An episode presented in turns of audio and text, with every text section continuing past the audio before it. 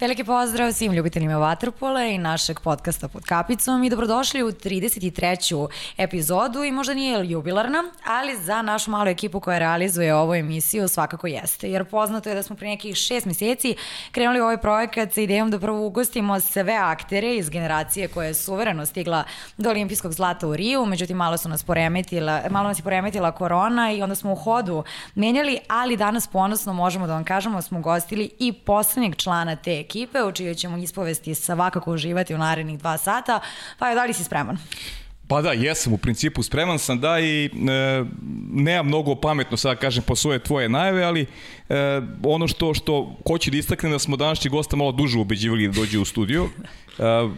Najviše zbog toga što je skroman, što možda još i nije dovoljno svestan kakvu, je, kakvu karijeru ima iza sebe, jako ima toliko, e, toliko malo godina i e, eto, osvrnut samo u jednom segmentu e, na tvoju najavu, jer e, drago mi je što smo ugostili sve momke iz Rija, jer e, oni mogu da ovako utiču e, da budu dobar posticaj njihovim naslednicima da uz a, trud, ulaganje, veru u sebe da mogu da a, dosegnu makar do sličnih rezultata kao što je napravila generacija koju je pripadao i, i naš današnji gost. I ne samo to, nego će naš današnji gost i da bude i dalje jedan protagonista, ozbiljan protagonista u a, generaciji koja će da nasledi ove koji se opraštaju polako posle, posle toke. Eto sad, posle ove naše najave, molio bih te da Zvanično predstaviš gosta, da.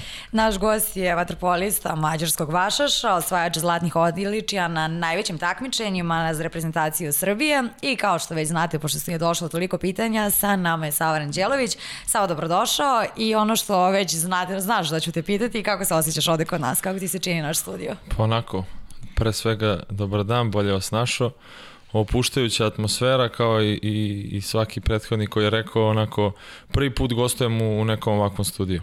I nadam se da ćeš uživati. Pa ja, ja se nadam iskreno. E, samo, drago mi da si, da si popustio ovaj, ovaj, i konačno seo u tu, tu užarenu stolicu, jer smo se, onako dugo smo se ganjali, što se kaže, i e, iskreno, baš mi je drago što ćeš da podeliš svoju priču, jer se u mnogome razlikuje od svih tvojih prethodnika, jer e, tvoj put je malo neobičajniji, rekao bih i teži u odnosu na, ali ako se ja dobro sećam, baš sve one koji su, koji su sedeli na, na, na, tvom mestu.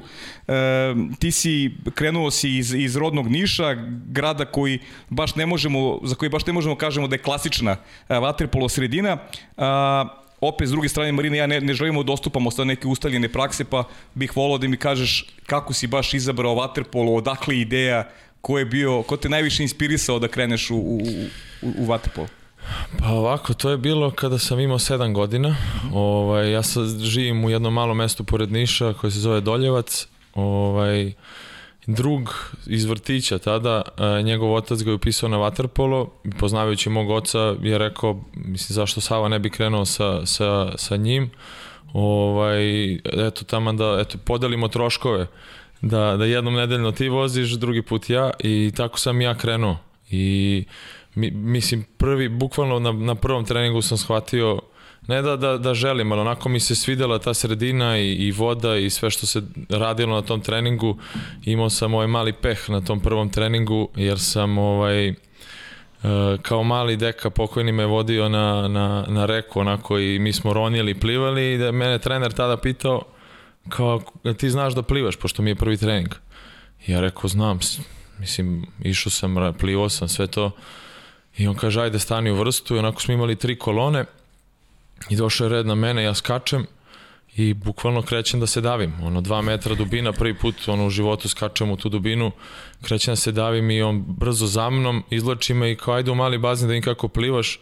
Ja uskočio i krećem onako prsno ovaj, ženskim stilom i on kao ne, ne, ne, ajde ti na, na školu plivanja dve nedelje pa se ti vrati posle ako bude želeo. I bukvalno sam išao, pored tih časova me i tata vodio ovaj, da, da vežbam i nakon toga kada sam dobio diplomu sam se vratio na, na waterpolo. Uh -huh. Jesi ja moram se ugacim, da li tačno da si kao mali prelazio po 20 km do bazena i to dva puta dnevno i kako je, kako je, kako uskladiš i petice i to pa, sve to? To je, ovo, to je ovo što sam rekao, da sam iz mesta tog pored Niša, on je 20 km I onako moj, moji roditelji, zahvaljujući stvarno njima i, i deki, smo, smo uspevali na neki način eto da, da kad god su mogli su me vodili. Da li to bilo dva put ili jednom dnevno nije, nije bitno, ali je, ono, ostala je ta želja i volja da, da i bili su istrani u tome, stvarno videli su da to želim i volim, tako da nisu želeli to da mi uskrte. Osim ako donesem neku lošu ocenu iz škole. E sad ovo što je Paja rekao, Nišu je vaterpolo funkcionisao u sistemu toplo-hladno i kako pamtiš to vreme odrastanja i da li su uslovi bili dovoljno dobri da ne pomisliš na odustajanje ili je bilo i tih U to momenta? vreme stvarno Niš bio ovaj, jedan vaterpolo klub koji je bio jako stabilan. Ovaj, zvao se Niš Klasik, tada je ti godina se sećam da su Žile, Boba, Korolija, kasnije Žare Petrović, da su igrali Kuljač je bio golman, trener je bio pokojni Manojlović, e, Vasilovski je bio pomoćni, Kole, Ovaj, moju generaciju je tada Petar Kovačević trenirao, on je tada trener u, u Špandau, tako da, da je Niš tih godina stvarno bio onako jedna lepa škola vaterpola. Imao sam tu sreću da je to tada da me oni da me oni treniraju, a kasnije to kako kako je prestao da bude klasik, kako onako se malo malo je ta da ta pa ne mogu da kažem propala, ali je počelo polako da, da tone taj niški vaterpolo nažalost i, i evo sada imaju neki stabilan klub koji polako dižu i vraćaju na, na stare staze. A kaži mi taj trening kao, kao najvažniji a, preduslov za napredak, kako ti se činio taj, taj segment priče i, i ko imao najveći uticaj da ti onako tvoje biće kompletu zavoli, zavoli to, to čime se bavi? Pa u početku je to bio Pera Kovačević. Uh -huh. Onako, baš je imao taj pristup i, i imao neki pristup prema nama kao prema, prema, prema detetu. Ne? Mm, Imao je onako, imali smo svi strahopoštovanje, iako je on dosta smiren ovako, a kasnije je to bio Nebojša Obradović koji, sa kojim sam kasnije sarađivao u Kikindi. On me je poveo sa sobom u, u Žak ovaj, i onda naravno Dejan Savić. E, a da li si imao neke uzore u klubu, neku ličnost koja te je motivisala da iz dana u dan budeš sve bolji? Pa tada u Nišu nisam. Kasnije, kasnije u reprezentaciji mi je to bio Dejan i i Vlada Vojsinović. Oni su mi onako bili uzori. A da li je bilo drugari iz škole koji su takođe odabrali vaterpolo pre recimo futbol ili košarke u Interesantno je baš zbog, zbog to, kažem, sredine u kojoj si ti ponikao, koje, kažem, baš nije iznedrila neki veliki broj super kvalitetnih igrača. U mojoj sredini ne. Na, mm. Samo smo ta, taj drugar i ja ovaj, išli onako redovno. Kasnije su se još, još dvojica momaka uključili, ali su brzo odustali. Pa je onda posle par godina i taj drugar zbog kog sam počeo da treniram odustao, pa na kraju sam ostao samo ja iz, iz Doljevca. E, a sada, s koliko godina si debitovao za prvi tim? Da li se sećaš prvog gola ili 14. neke akcije ili reakcije Imao sam, trenera? da. 14 godina, tada sam i, i prvi put bio pozvan na, na pripreme kadetske reprezentacije i onda sam bio priključen prvom timu Niša i iskreno se ne sjećam protiv koga sam debitovao, baš ne mogu da se setim. A kaži mi, kakva je priprema u glavi mladog igrača kada recimo treba da igraš tada za Niš, igraš protiv recimo Partizana ili protivnika za, za koga znaš da je, da, je, da je bolji od ekipe za koju igraš i da si negdje napred osjećaj na poraz. E, kakav sebi cilj postavljaš u glavi kada, kada igraš takve utakmice? Mlad si čovek, a opet znaš da, da, si, da negde nemaš prostora da napraviš nešto što je, što je dobar rezultat. Pa nekako da u glavi onako, mislim kao mlad, nisam sad toliko razmišljao kao sad, uh -huh. ali ovaj, e, je bilo onako prvenstveno da, da dam sve od sebe i da ne napravim neku sa kardinalnu grešku zbog koje će trener kasnije da mi grdi. Eto, to je onako meni, bar u to vreme bilo kad sam imao 14 godina. A i si uspevao u to? Pa na neki način, da. Ali kad je bilo to utakmica s Partizanom, to je stvarno bilo nemoguće. Oni su tad bili onako, pogotovo u Srbiji, su bili jako dominantni. Ali si mogu tada nasutiš da sebe negde uporediš sa, sa momcima koji igraju sa druge strane? I si imao tad, mislim, mlad si tada, jako si mlad. Ili si pokušavao sebe da uporediš sa nekim koji igra sa druge strane? Nisam, iskreno ne. Iskreno nisam upoređivao sebe. Onako, gledao sam da, da se što bolje pripreme to za tu utakmicu. Stvarno sam bio ono, baš mladi i nisam razmišljao u tom pravcu uopšte. Okay. Ja sam moram napraviti jednu digresiju pre nego što a, dođemo od toga da si 17 godina menjao tim. Pričamo o Nišu i onda da li si uopšte mogao da pretpostaviš da ćeš biti sportska ličnost 2016. grada Niša? Pa iskreno nisam. Bio sam kao kandidat za, za najmlađeg sportistu, najboljeg mla- najmlađeg sportistu grada Niša, ali nisam, nisam mogao uopšte ni da pretpostavim. Usledio je taj poziv negde pred novu godinu da se organizuje taj sportski bal i da smo ja i Košarka Šiović proglašeni za, za najboljeg sportistu. Pričamo o Joviću, kasnije Repestivicu. Da, on je tada isto bio na, na olimpijadi sa, uh -huh. sa košarkaškom reprezentacijom. Pa smo nas dvojica onako podelili tu nagradu. Uh -huh. Pričat ćemo tek o svim tvojim nagradama. Još jednu stvar bi ti samo pitala za Niš, pošto eto ponikao si tamo. Kakva je sad situacija? Ili imaš nekog naslednika možda? pa, z, koliko ja znam ne. Ovaj, još uvek ne, ali kao što sam rekao, polako se vraća ovaj, e, stabilizuje se klub, onako vraća se na, na te stare staze slave, kako da kažem, imaju dobrog trenera, dobru upravu koja vredno radi i, i želim im svu sreću u nastavku. E dobro, vraćam te opet unazad, sa 17 godina menjaš uh, klub, ali ne ideš u Beograd, ideš u Novi Sad, ili u Novi Sad, već ideš u Kikindu. Kako se to dogodilo? Pa to je onako jako čudan splet okolnosti. Ovaj, ta niška ekipa te godine je bila onako imali smo dobru ekipu, međutim nakon te sezone se sve onako raspalo i ja sam imao ponudu Zvezde, Vojvodine, da sam ja želao da pređem u Zvezdu jer navijam za Crvenu zvezdu, onako mi je želja bila od malena da igram, ali je tu nešto, nešto je zakočilo između, između dva kluba, gde na kraju sam odlučio da krenem sa, sa, sa Nebojšom u, u Kikindu, rizikujući da, da ne igram prvenstvo. I onda je tada pokojni sekretar Niša, mislim da ne znam da zna, neko zna tu priču, prvi put pričam. Ovaj, greškom je zaboravio da me registruje za, za prvi tim.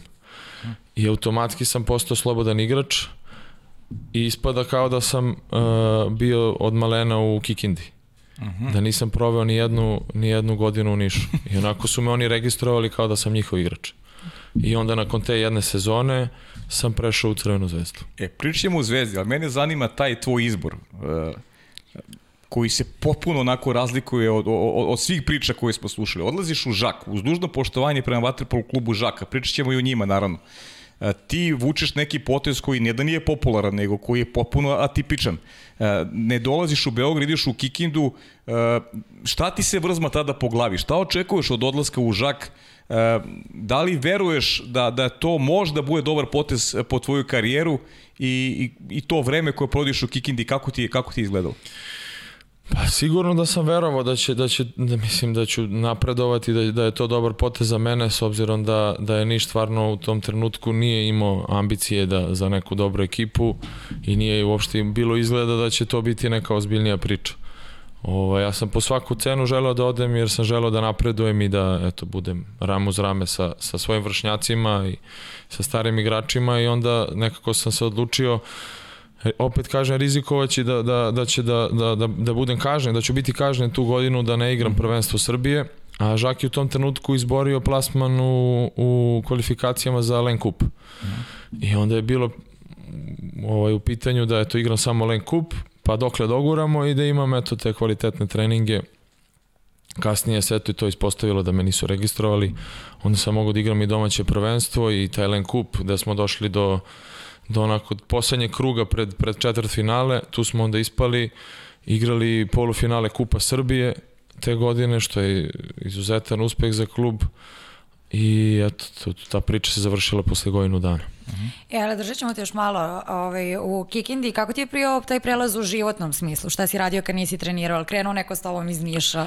Pa nije niko, mislim, krenuo. Sam sam krenuo, to je prvi onako rastanak moj uh -huh. na duže staze sa, sa porodicom. Uh, ja sam jedinac, pa je njima, mislim, bilo teže. Ja sam onako navikao da i umeđu vremenu putujem i cijelo leto budem odsutan zbog reprezentacije, ali ovaj, Uh, taj onako prelazak, svi smo porodično otputovali tamo da vide da ću ja biti smešten i to, a kasnije, mislim, onako grad je miran, mali, bilo je vikendom života jer se onako studenti sa svih strana vrate, uh, ali tokom nedelje je baš bilo onako teško. teško, da, da. Pogotovo što je razmak nama između treninga tada bio, recimo završimo jutarnji trening oko 11, a večerni kreće u 9. Uh -huh. I ono bukvalno tih ono koliko 10 sati ne znamo šta ćemo od sebe. A na svu sreću Mitrović korona. Korona. Da, da, da. na svu sreću je bilo nas osmorica, mislim sad tačno da, da ne, ne brojim ovaj, koji, smo igri, koji nismo bili iz Kikinde. Uh -huh. Svi smo živjeli onako u, jednom, u jednoj kući sa sa osam soba, imali smo zajedničku tu dnevnu i onako smo se baš dobro družili. Mhm. Provodili to zajedničko vreme. Uh -huh. A prilika da nam kažeš malo i, i, i o Žaku, ne znam, uslovi za trening, podrška grada, neki stručni rad, šta ti pamtiš e, a, vezano za tvoju karijeru najviše iz, iz, iz tog perioda koji si proveo u Kikindi? Pa izuzetni su uslovi bili za rad. Onako, bazen je bio samo naš. Ovaj, imali smo ovaj, te termine kad god smo želeli, teretana u sklopu bazena, topla voda, što je jako bitno. Ovaj, I uslovi finanski su bili dobri, tako da da onako sve pohvale stvarno, nemam ništa loše da kažem. Uh -huh. Evo mi iz Kikinde u Beograd i Crvenu zvezdu, kako je došlo do toga? Pa kao što sam rekao, to je pre Kikinde trebalo da se desi, ali eto, igrom slučaja se desilo kasnije. Sam ja svako, svako želeo da, da odem u Zvezdu, opet sam dobio poziv i, i prihvatio naravno ovaj, potpisao četvorogodišnji ugovor prvi i tad je počela ta prva onako evropska priča. Da. da u krajnjem slučaju dolaziš u zvezdu, imaš i, imaš i bolje saigrač, igraš utakmice pred velikim brojem navijača i ono što je mnogo bitno, imaš trenera koji ti veruje, neko ko je, ko je tebe želeo u, u, u tom timu. Da. Pa, mislim, sa Dekijan sam počeo prvi put da sarađujem 2010. godine u, u, u ovoj kadetskoj reprezentaciji, tada već možda juniorskoj.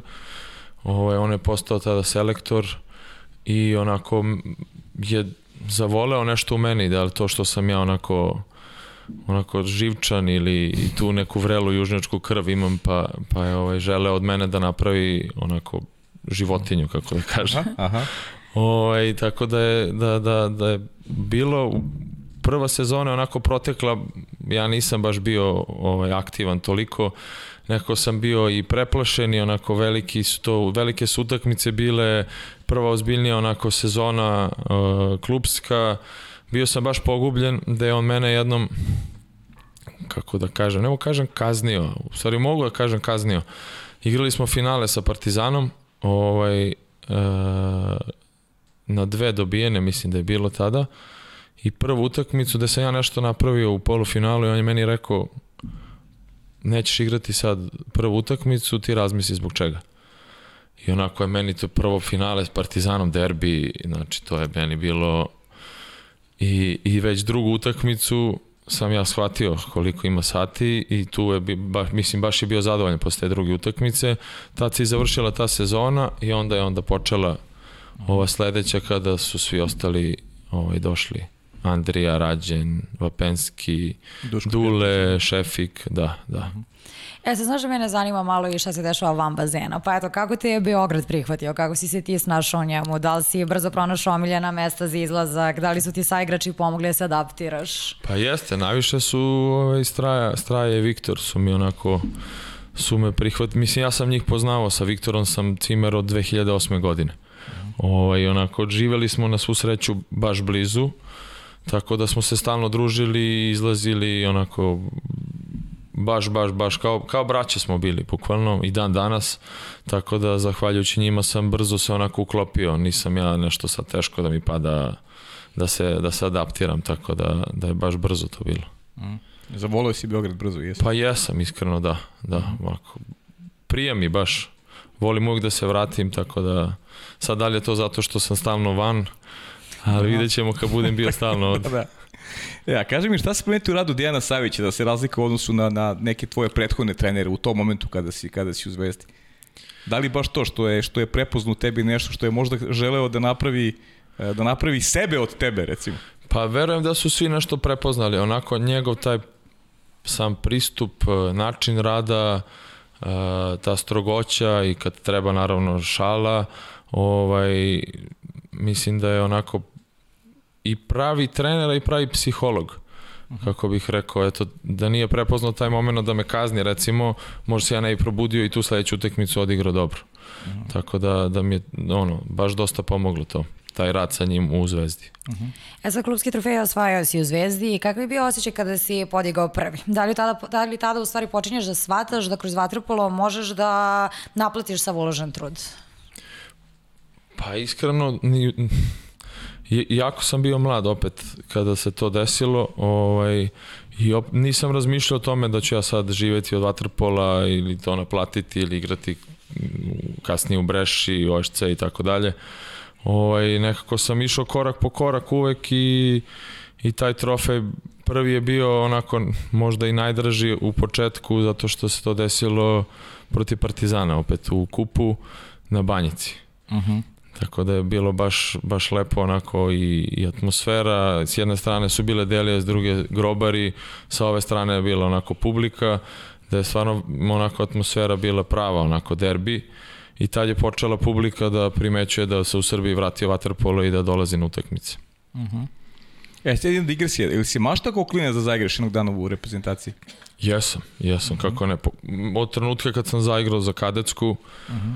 gledajući, gledajući ja reprezentaciju, od uvijek mi je bila želja da zaigram. Uh -huh. Ja, to je bilo pitanje gledalaca, da si, negde si valjda izjavio da si tek tada kad si zaigrao za kadetsku shvatio da, da. si profesionalac. Da, da, tada onako, tada sam baš onako ozbiljnije počeo da, da, da gledam na sve to. Uh -huh. E sa Krunom Zvezdi je 2013. i titula prvaka Evrope, veliko finale sa moćnim jugom pred velikim brojem navijača, nije moglo da se izgubi. Pa da, pogotovo što smo u grupi izgubili od njih, pa ono, pravilo što ne može dva puta na jednom takmičenju od iste ekipe da se izgubi.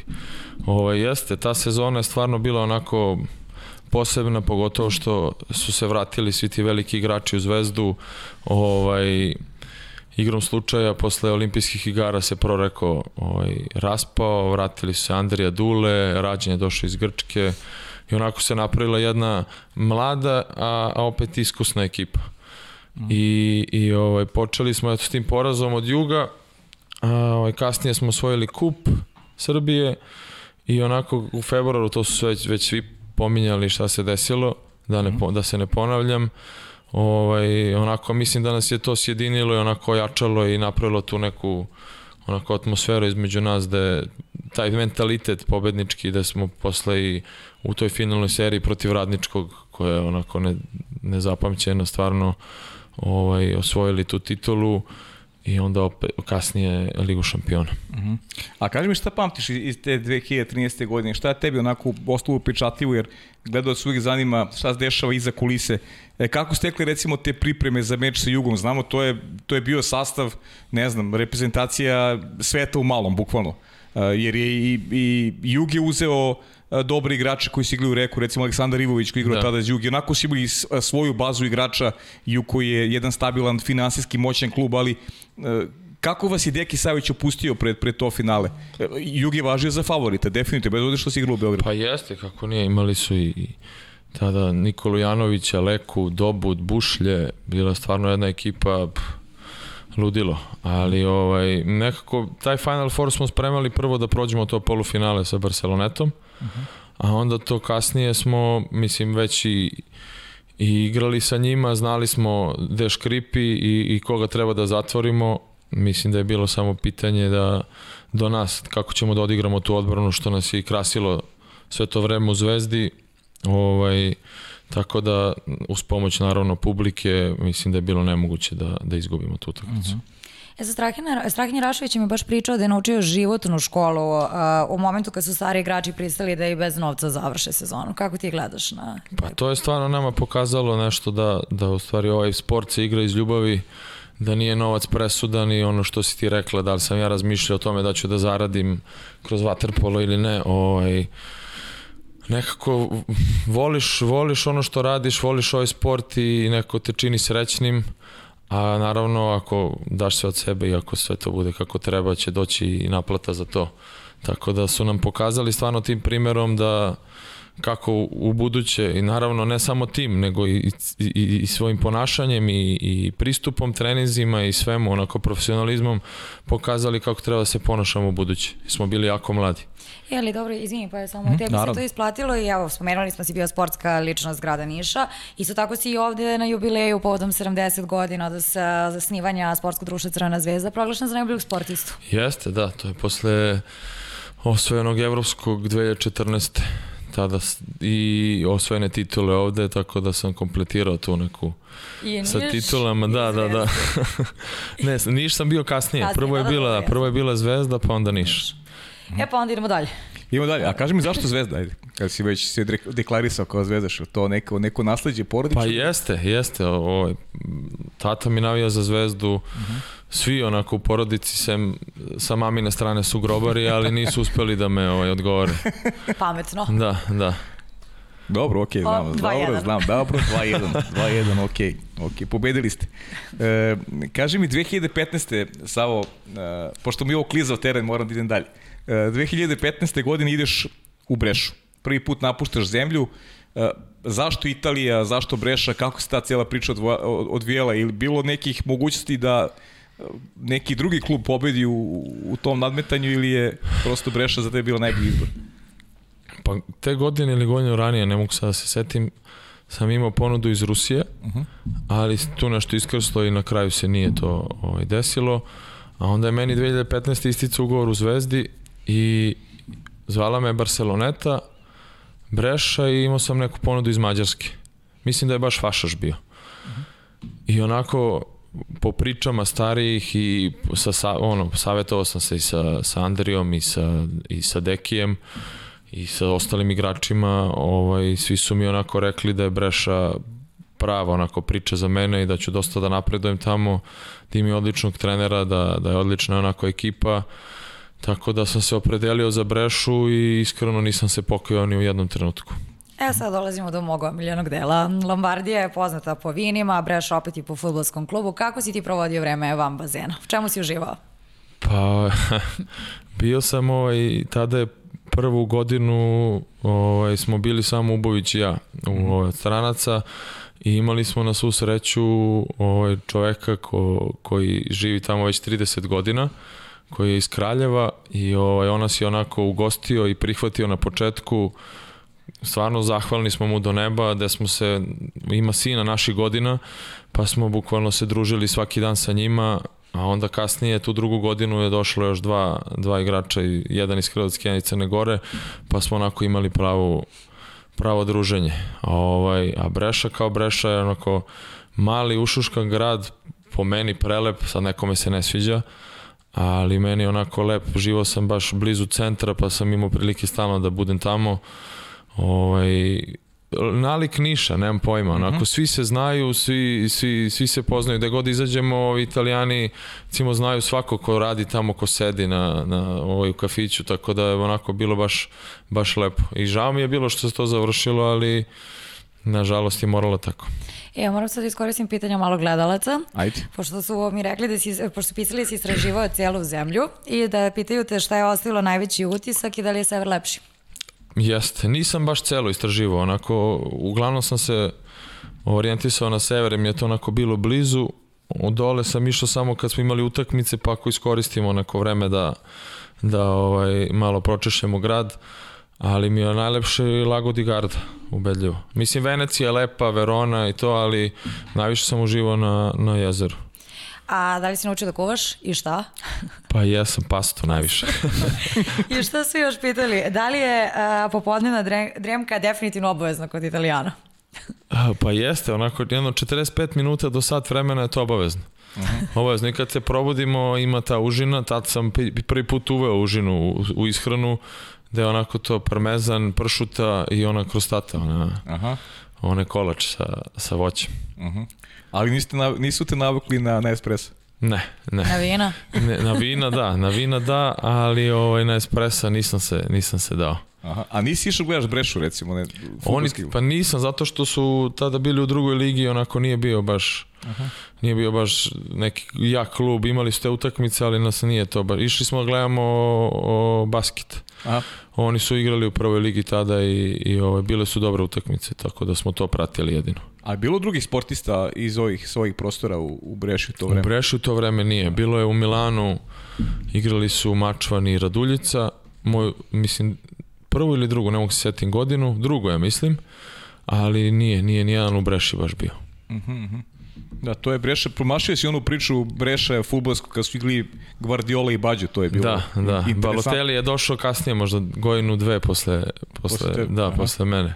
E, a kaži mi, bilo je i trofeja, osvojio si kup Len, tada osvojaš, ti si praktično već tada kompletirao što se tiče tih evropskih klubskih trofeja, da. nakon Lige šampiona osvojio si, osvojio si kup Len. Ajde, malo, me, malo nas posjeti na, na, na te neke detalje, ovaj, kako je to izgledalo i... Uh, da. Ili bilo je... nekog slavlja većeg? Pa bilo je, ne. Prvo što je počelo sve, mi nismo znali šta ćemo da igramo, da li Len ili Ligu šampiona. Uh mhm. -huh. I ovaj, kad smo se dogovarali na početku, bilo je dogovor da će biti Liga šampiona. Međutim, uveđu vremenu su se predomislili i, i bilo je ono, igrali smo kvalifikacije u, sećam se, u, u Atini i oni su se nekako dogovorili između sebe da odigramo ih sa, sa nekim, taj je bio OSC, mislim baš, i da ne bi kao, bili kao prvi u grupi i išli na nekog slabijeg iz druge tamo. Jer smo se onako krštali pred mm -hmm. poslednji krug kvalifikacije za Ligu šampiona. I to se odigra X i onako igramo, izvukli smo Jadran Herceg Novi. I nama dođe trener i kaže, mislim, ne znam da smem to da pričam uopšte, ovaj, ali ko da će oni da gledaju, ajde, ne biti. Ovaj, Prevršćemo. Da, i kaže, ovaj, idemo, da, idemo tamo da izgubimo. Pa, mislim, 5-6 golova tamo da kad igramo kod kuće, a bili smo stvarno bolji od njih. Kad igramo kod kuće da, da, da dobijemo ovaj, 3-4, super, nismo izgubili puno, I mi izgubimo tamo 5-6 razlike. Došao je revanš, posle prve četvrtine vodimo 6-1. I već smo došli na nulu, ono, samo nam malo fali da, da prokrenemo i da prođemo dalje. Uzima trener time out. Kaže ovo jedno, kao napravi ti isključenje i niko nemoj da drži blok, neka uđe lopta u go. I bukvalno se dali stoj go i tako se go za go, go za go i tako se završila utakmica. I ušli smo u Len Kup i te godine stvarno Len Kup je imao možda eto taj jedino sintez koji je bio malo jači, ostale ekipe, ne sjećam se da je bio neko sada ka, da kažemo da može da, kao sada recimo danas, da ima 5-6 ekipa koje mogu i Ligu šampiona da igraju ravnopravno s ostalima, ovaj, samo smo mi eto bili onako glavni favoriti uz, uz Kazanj što smo na kraju igrali finale sa njima i dobili ih prvu u Rusiji, mislim 11-4. I tu smo već proslavili ovaj titul. Ali bilo neki doček nešto u gradu? Pa nije bio, nije bio nikako onako doček. Imali smo kasnije proslavu tu u, u, u krugu svih iz kluba i, i ovaj, igrača i, i prijatelja, porodice koje je bio tu ali nije nešto sad nešto veliko i to. Ali si zahvalan treneru, pošto je to omogućiti da osvojiš Jeste, plen. da, baš se onako pogodio, to mi Juga rekao, kaže, vi kak je ti sreće imaš, čim si došao tu, ono, uzao si ono što ti je falilo odmah. Jeste. Da, da, da. Ja, spomenuo si i Nemanju Ubović, pretpostavljam ti je bilo lakše što si imao njega pa jeste, da. Jeste, ovaj, Uba, pozdravljam ga ovom prilikom. O, igrali smo zajedno pet godina, možda bi duže da se nije desila ova korona i da se OSC nije raspao pa smo morali da to se ra, ra, razdvojimo, ali stvarno proveli smo pet godina, živeli kao da smo zajedno živeli toliko blizu, družili se, izlazili, putovali, tako da, da je baš bilo i lakše dosta uz njega. E, zato smo se mi njega i setili. Veliki pozdrav za sve u studiju, posebno za mog sina za koga imam dva pitanja. Prvo pitanje je, s obzirom da smo bivši saigrači i bivši cimeri, da li umeđu vremenu uspeo da učvrsti san ili dalje spava sa čepićima za uši?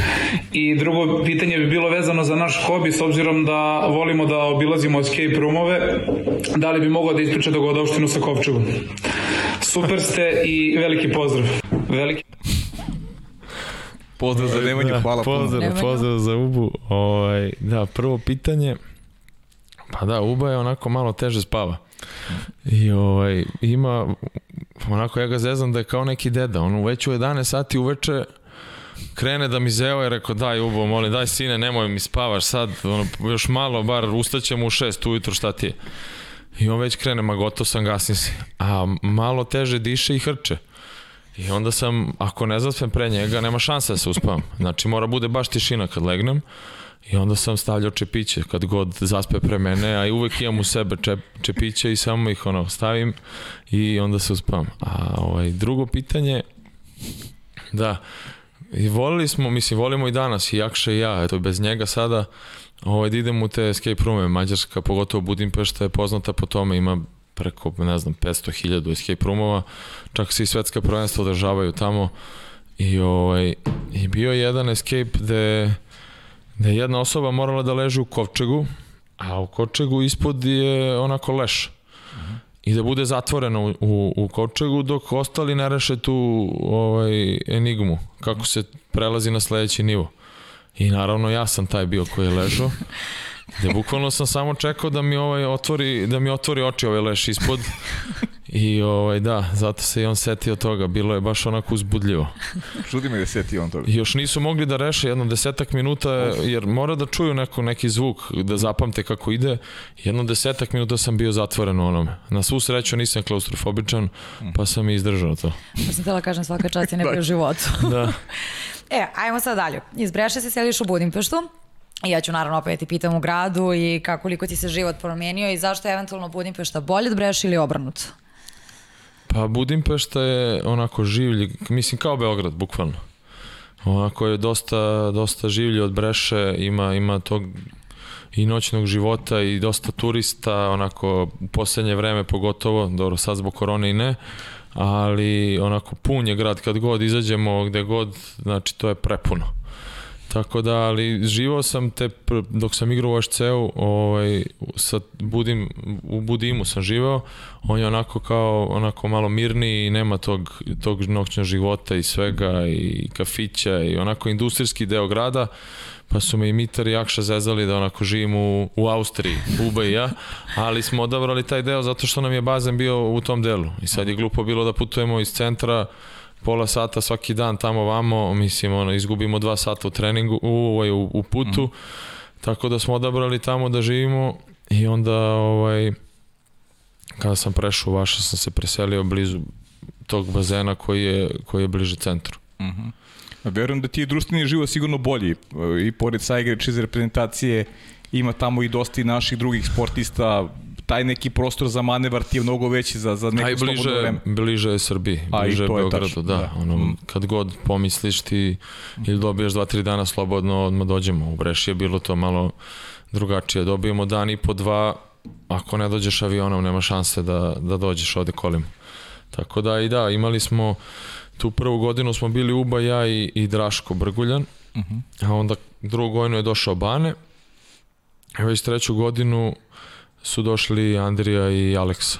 A imali smo i dva Slovaka, ovaj jedan je igrao u Hrvatskoj pa zna i, i naš jezik, a ovaj drugi je Mađar.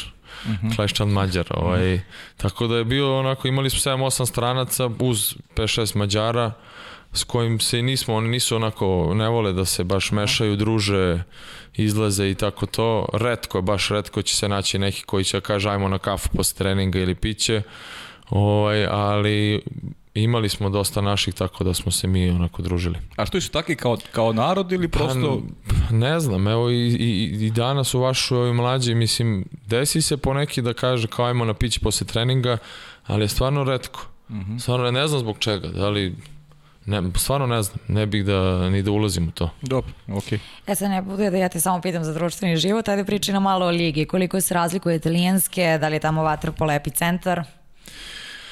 Pa razlikuje se dosta, zato što u Mađarskoj bukvalno, znači, pos, po, igramo protiv neke ekipe koja je na tabeli u gostima i desi se recimo da izgubimo, što nije slučaj u Italiji. Znamo, u Italiji ima Reko, Breša, tada je bila Verona, Aqua Chiara je bila Posilipo i to je to. A ovde ima jedno 7-8 ekipa koje su onako slične, Dobro, sada Ferenc Varoš je dosta ispred svih, ali kad smo bili i mi, bio je tu Solnok, Eger, BVŠC recimo koji, koji je isto neugodan, može da otkine bodove nekome lagano. Tako da je po tom pitanju onako teža liga zato što ima dosta, dosta jačih ekipa ravnopravnih. A u Italiji je bilo ono, znamo kad odemo na neko putovanje, znamo ćemo da pobedimo kako god ušli u utakmicu. A ovde ako uđemo lagano, može se desiti da se okliznemo.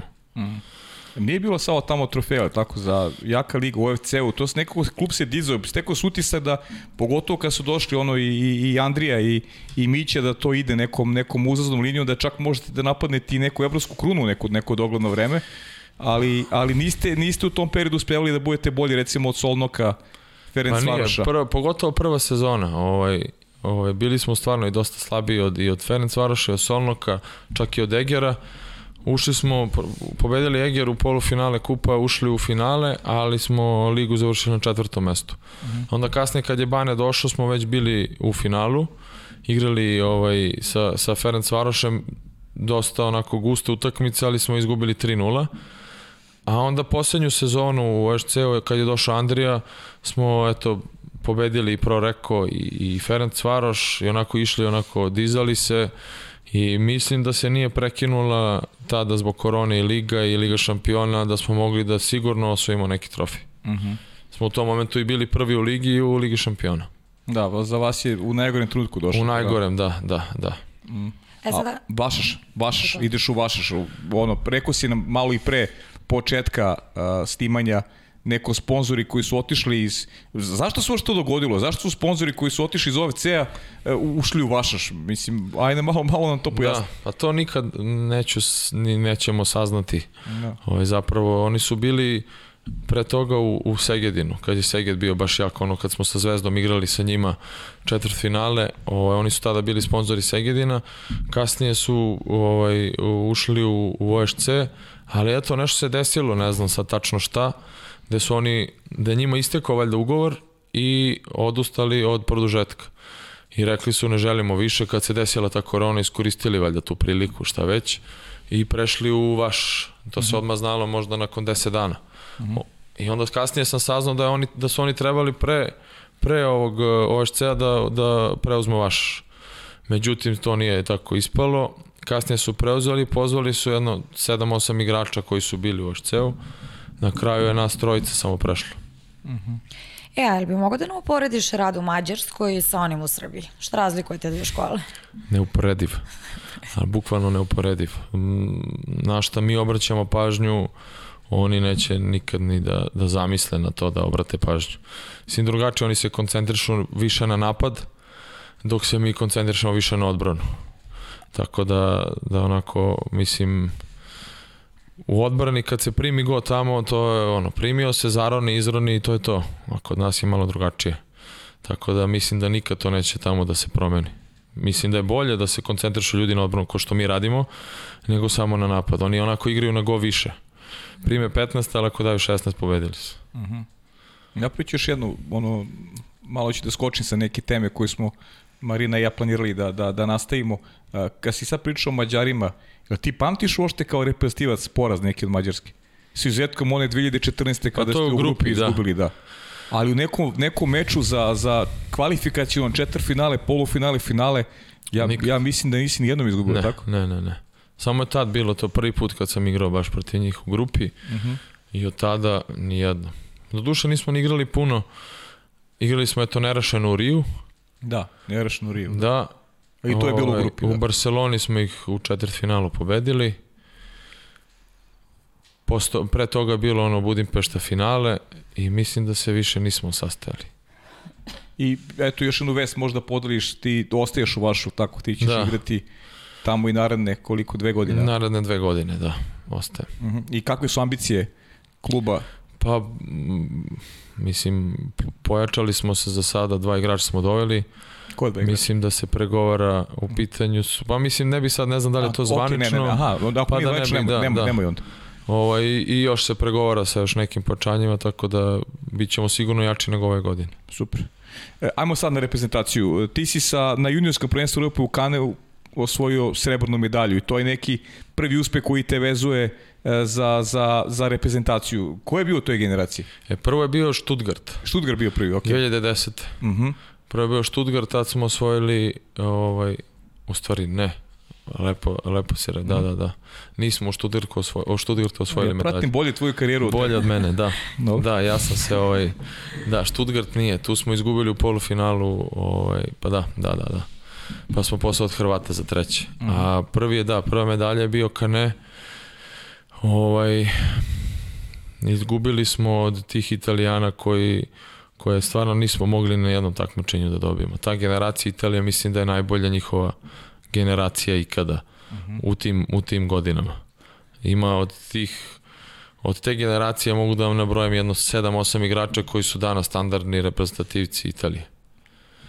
To su, mislim, treba da... Može, što da ne. Di Fulvio, ovaj, Nikolas Prešuti, Fondeli, Veloto, Dolce, Di Soma, uh, Bruni je isto, evo on je sada isto tu bio na ovom turniru, eto nek bude njih da. sedmorica, dovoljno.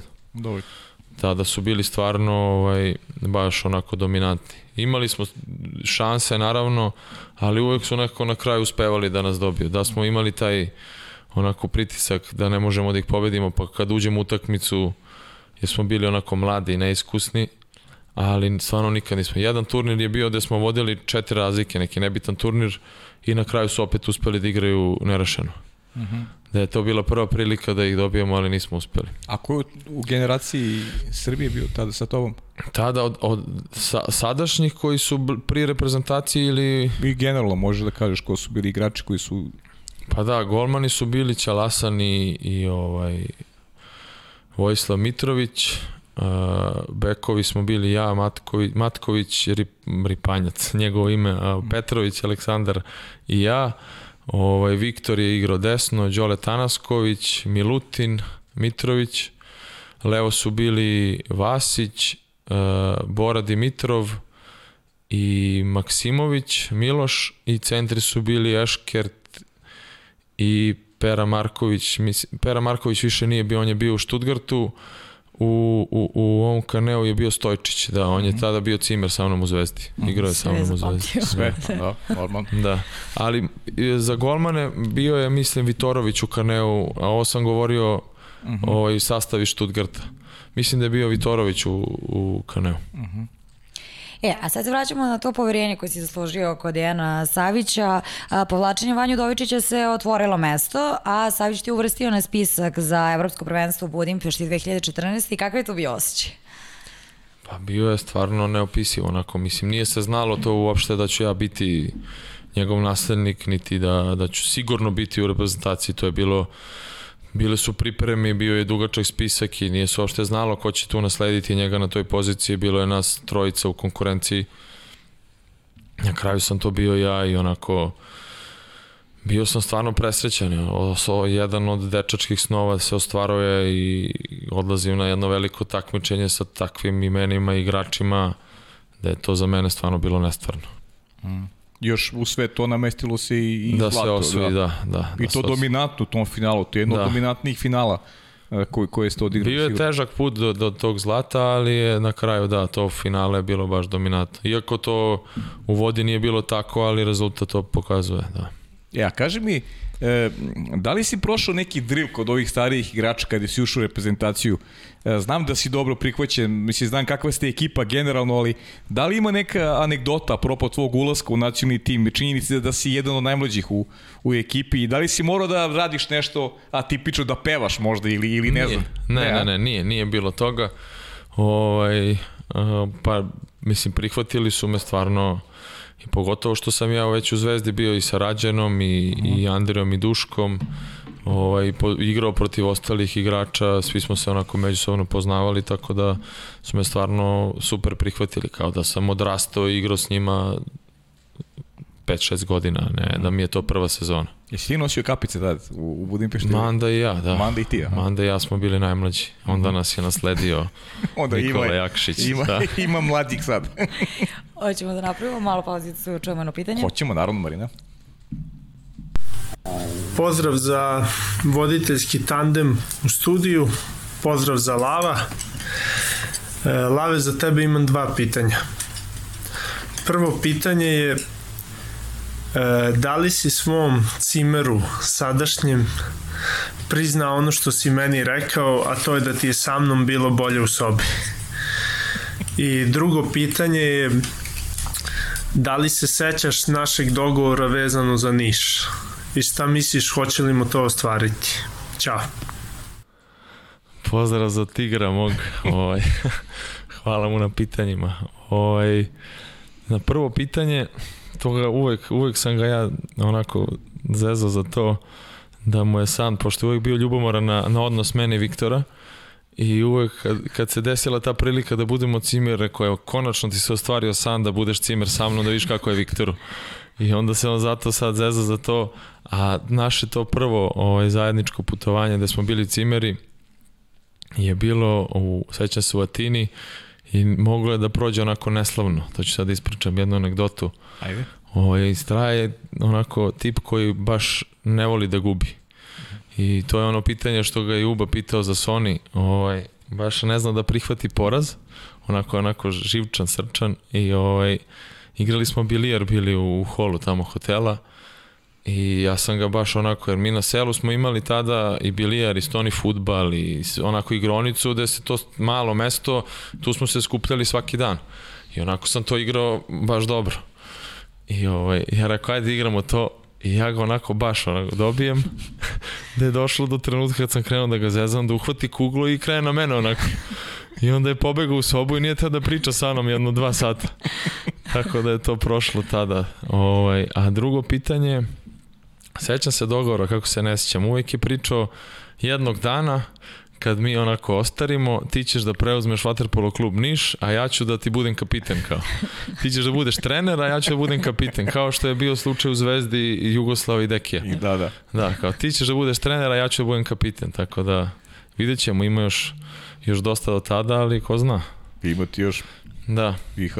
ne zna se nikad. Da. E, ja moram samo na Strahinju da apelujem, pošto ne znam da li je ovo kuće Bišon. Ako je Bišon koga budu parili da me obavezno zovu, ja sam to primetila. Bingo, Od- bingo. Ne, to da mi zaboravite, stvarno. Dobro. A, Zlatna medalja i finale sa Mađarskom. Kako je bilo rvati se u vodi sa protivničkim centrima u neprijateljskom okruženju? Uh, pa to prvenstvo je za mene onako bilo baš pogotovo što sam prvi put igrao tu za reprezentaciju i prvo veliko takmičenje i bio nepoznati sudijama a kad je to tako onda bukvalno svaki kontakt malo ožustri isključenje odmah tako da sam ovaj, služio više da budem onako agresivniji i da plašim te centra nego da što sam imao uticaja na neku igru i na, na taktiku i tako dalje. A u finalu je bilo baš, počeo sam, ovaj, da sam kasnije imao dosta duela sa tim centrom, Deki je me stavio na, na Haraja, s kojim sam kasnije igrao u HC-u, ovaj, da smo imali stvarno onako jedne žestoke duele, pogotovo tada, jer sam još bio i mlad i on me prvi put video i nije očekivao da će to tako biti, ali kasnije je naučio i sad zna kako je kad, kad igramo jedan protiv Da. drugog. Do, dobro si ih plašio. Da. Da, da. A kaži mi, samo kasnije, posle te e, posle Budimpešte osvojio si još e, dva zlatna odličja na evropskim prvenstvima. E, Kaži mi ko je bilo slađe, ko je bilo teže. Mislim, prepostavljam ko je bilo slađe. Jel? Da, pa Beograd, da. Da. Beograd je bio i teži i slađi. Uh -huh. Onako, pogotovo što se igralo u Beogradu, imali smo taj, tu dozu malo pritiska, domaći teren, mora se osvoji uh, takmičenje opred pred olimpijadu, da će nas sigurno postrek za, za, za olimpijadu, da, da što bolje tamo budemo, ovaj, ali pogotovo sa Crnogorcima u finalu koji su iz- izuzetna ekipa i tada pogotovo bili da su onako došli da kao što su 2008. to uradili da, da, da osvoje ta, to evropsko predolimpijadu, ali mislim da smo i uz pomoć publike i onako u tom naletu koji je, je počeo 2014. uspeli da, da se dignemo i da, da osvojimo, da pobedimo tu utakmicu. Ja, Evropsko prvenstvo u Barsi tati 25. rođendan bio. Jeste, pa uglavnom ne, uglavnom na svim prvenstvima ili nekim pripremama, zavisi kad počinje prvenstvo se pada moj rođendan, tako da posljednjih 12 godina ga proslavljam na pripremama ili na takmičenju. E, ali tu su nam napisali da si dobio 36 krofri. Što krofri? Pa da, Deki je uvek bio ovaj, Deki, baš da. da, što se toga tiče. Uglavnom su torte to, kad, kad se slavi rođendan, pa ono bude iznenađenje torta, ali su tad bile krofne, onako svi smo uživali u njima. Hvala Bogu nije bilo utakmice na taj dan, pa smo mogli da se opustimo. E, a imamo još jednu dojavu, da si tad bio i u ulozi novinara. Pa jeste, da. Tada smo u saradnji sa Unikom, čiji smo ambasadori, Andrija, Mića, Mande i ja, ovaj, imali tu, tu i, i taj zadatak da da ja sam za kurir pisao, Manda je za, za nešto drugo, Andrija za nešto drugo, da onako dnevnik vodimo neki koji su oni objavljivali onako da ljudi čitaju, da vide kao šta se to dešava i, i van bazena. Jel ti se svidela ta uloga? Pa i onako, mislim, i jeste i nije. Bila je obaveza, ali opet nije me, nije me omelo. E, okej, ajmo sada da vidimo dalje šta si sve osvajao. Dva odličja na svetskim prvenstvima, zlato u Kazanju, bronza u Budimpešti. Šta je za tebe bilo specifično na ta dva šampionata? Pa, ta, ta, to zlato u Kazanju, ovaj, osvojili smo pre toga Bergamo, tu kvalifikovali se za olimpijske igre i otišli totalno rasterećeni u Kazanj. gde je bilo onako što se i po rezultatima pokazalo baš dominantno osvojeno mm. prvenstvo, gde nismo imali utisak uopšte da je znači ono ni jedan, jedino smo imali protiv Australije kao i uvek onako malo težu utakmicu i protiv Amerikanaca, smo to leto imali pripremu u Americi i na sva četiri pripremna duela smo izgubili, pa su oni onako, ali naravno tamo sudije i kako je sve bilo je to uticalo na, na, na sve to, pa su oni onako dali sebi za pravo da pomisle da mogu ovaj, i lako s nama, pa je bilo malo tu puci potegni, ali smo dobili tu utakmicu, a onda kasnije i i sa Italijom u polufinalu i sa Hrvatima je baš onako bilo dominantno. Mm. A Budimpešta? A Budimpešta, opet posle Rija, glavni favoriti smo bili nekako mogu da kažem da je u toj utekmici zakazala možda naša odbrana, da nismo bili na tom nivou na kom smo inače, jer nezgodno je bilo... Misli protiv Hrvatske ili generalno? Protiv? Hrvatske, mm -hmm. ne, na turniru do, do, do te utakmice sve funkcionisalo mm -hmm. savršeno. A neko je došla ta utakmica, da li su oni baš spremali toliko dugo nas, znali sve naše mane možda ili nas uhvatili u pogrešnom trenutku, nismo bili spremni, ali se ne dešava da mi primimo baš toliko golova. Mm. I onda mi smo i kontrolisali, vodili celu utakmicu, ali su uvek uspevali da se vrate, da i na kraju sve to prelomili i pobedili. Ali na, na mislim, sport je to, mislim, treba da se izgubi i prihvati poraz, dobro je bilo da smo se digli i pobedili za treće mesto i osvojili bronzu posle. E, to je ono što mi je interesantno, recimo, e, kroz ne samo vaša generacija, nego sad kad vrati malo film unazad, neki 25 godina unazad, redko se dešavalo da reprezentacija Srbije ili nekada, ne znam, Srbije i Crne Gore, e, da taj meč za bronzu zakaže da, da, to je mnogo važno kod sportista, to kratko pamćenje, znači da i kad je loše rezultat u polufinalu da se neko uvek dobro grupišete, da odigrate tu za bronzu dobro i manje više bronzane medalje su uvek osvajala kada, kada da. se izgubi polufinal. Pa to je možda zato što mi onako imamo, uvek idemo na medalju, koja god bila. Naravno da je to prvo u glavi zlato. Ali recimo reprezentacije, koje, koje razmišljaju kada dođu do te situacije da igraju, da igraju polufinale i da se bore za finale i da osvoje zlato ili srebro, ovaj, uglavnom razmišljaju samo o toj prvoj medalji zlatnoj i onda kada im se desi taj neuspeh u polufinalu, verovatno oni u glavi onako padnu i kažu nemoguće se to desilo i, i, i ne uspeju da se povrate, dok mi onako, mislim, naravno nam teško padne taj poraz i, i nekoga pre, prebolimo onako ujedinjeni, ali ovaj uspemo da se oporavimo i na kraju i dobijemo tu utakmicu uh mhm. -huh. za, za bronzu. Zanima me samo Guangzhou. E, kako si ga ti doživeo? Da li možeš da nastutiš mogućnosti neke nove generacije posle Tokija koju ćeš ti svako da pripadaš takođe? Pa mogu, mislim, on se onako Mi smo odigrali dobro, ali pripreme, pripreme su bile jako kratke za, za taj turnir i za tu ekipu, pogotovo što se Svetska liga kasno završila, a odmah nakon možda 20 dana je počelo svetsko prvenstvo. Uh mhm. -huh. Gde smo mi, mislim, 20, mesec dana možda, uh mhm. -huh. sad ne sjećam se tačno, gde smo imali i, i malo vremena da se odmorimo posle te svetske lige, I onda smo krenuli s pripremama, otputovali u Japan, ali opet je to za tu generaciju i tu ekipu koja ne igra puno i stalno na okupu, ovo je bilo kratko vremena i i ovaj desila se ta utakmica u četvrtfinalu, možda je bolje bilo da nismo bili prvi u grupi, da smo mi protiv Crne Gore i Grčke osvojili prvo mesto.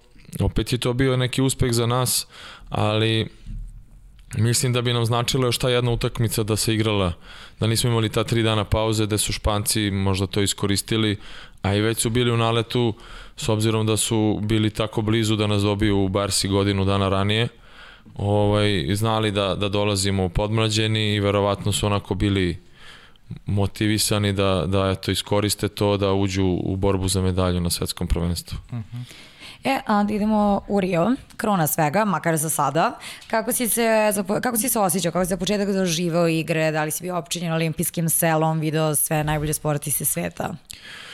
Uh, da, tada, tada kad, je, kad smo krenuli na put i onako proradilo onako trema neka, gde se još jedan san ostvaruje i da odlazimo na najveće sportsko dešavanje. Uh, moje prvo, dosta igrača je pre toga već učestvovalo, onako sam bio uzbuđen, nervozan, kad će to sve već da počne, jer dosta vremena trebalo da prođe dok do te, te prve utakmice, ali s, s obzirom na, na to koliko igrača i pre toga igralo i, i Deki me isto posavetovo kako treba da se ponašam, ovaj, nisam gubio glavu, nije, mislim, ne ja, i Jakša je isto prvi put bio, onako smo bili koncentrisani samo na te utakmice, nažalost nije, nije, ovaj, nije počelo dobro po nas, ovaj, igrali smo ta, ta dva remija, posle izgubili od Brazila neočekivano i imali taj sastanak ovaj, između sebe, te ne bi sada pričam o tome šta je bilo, onako emotivan bio.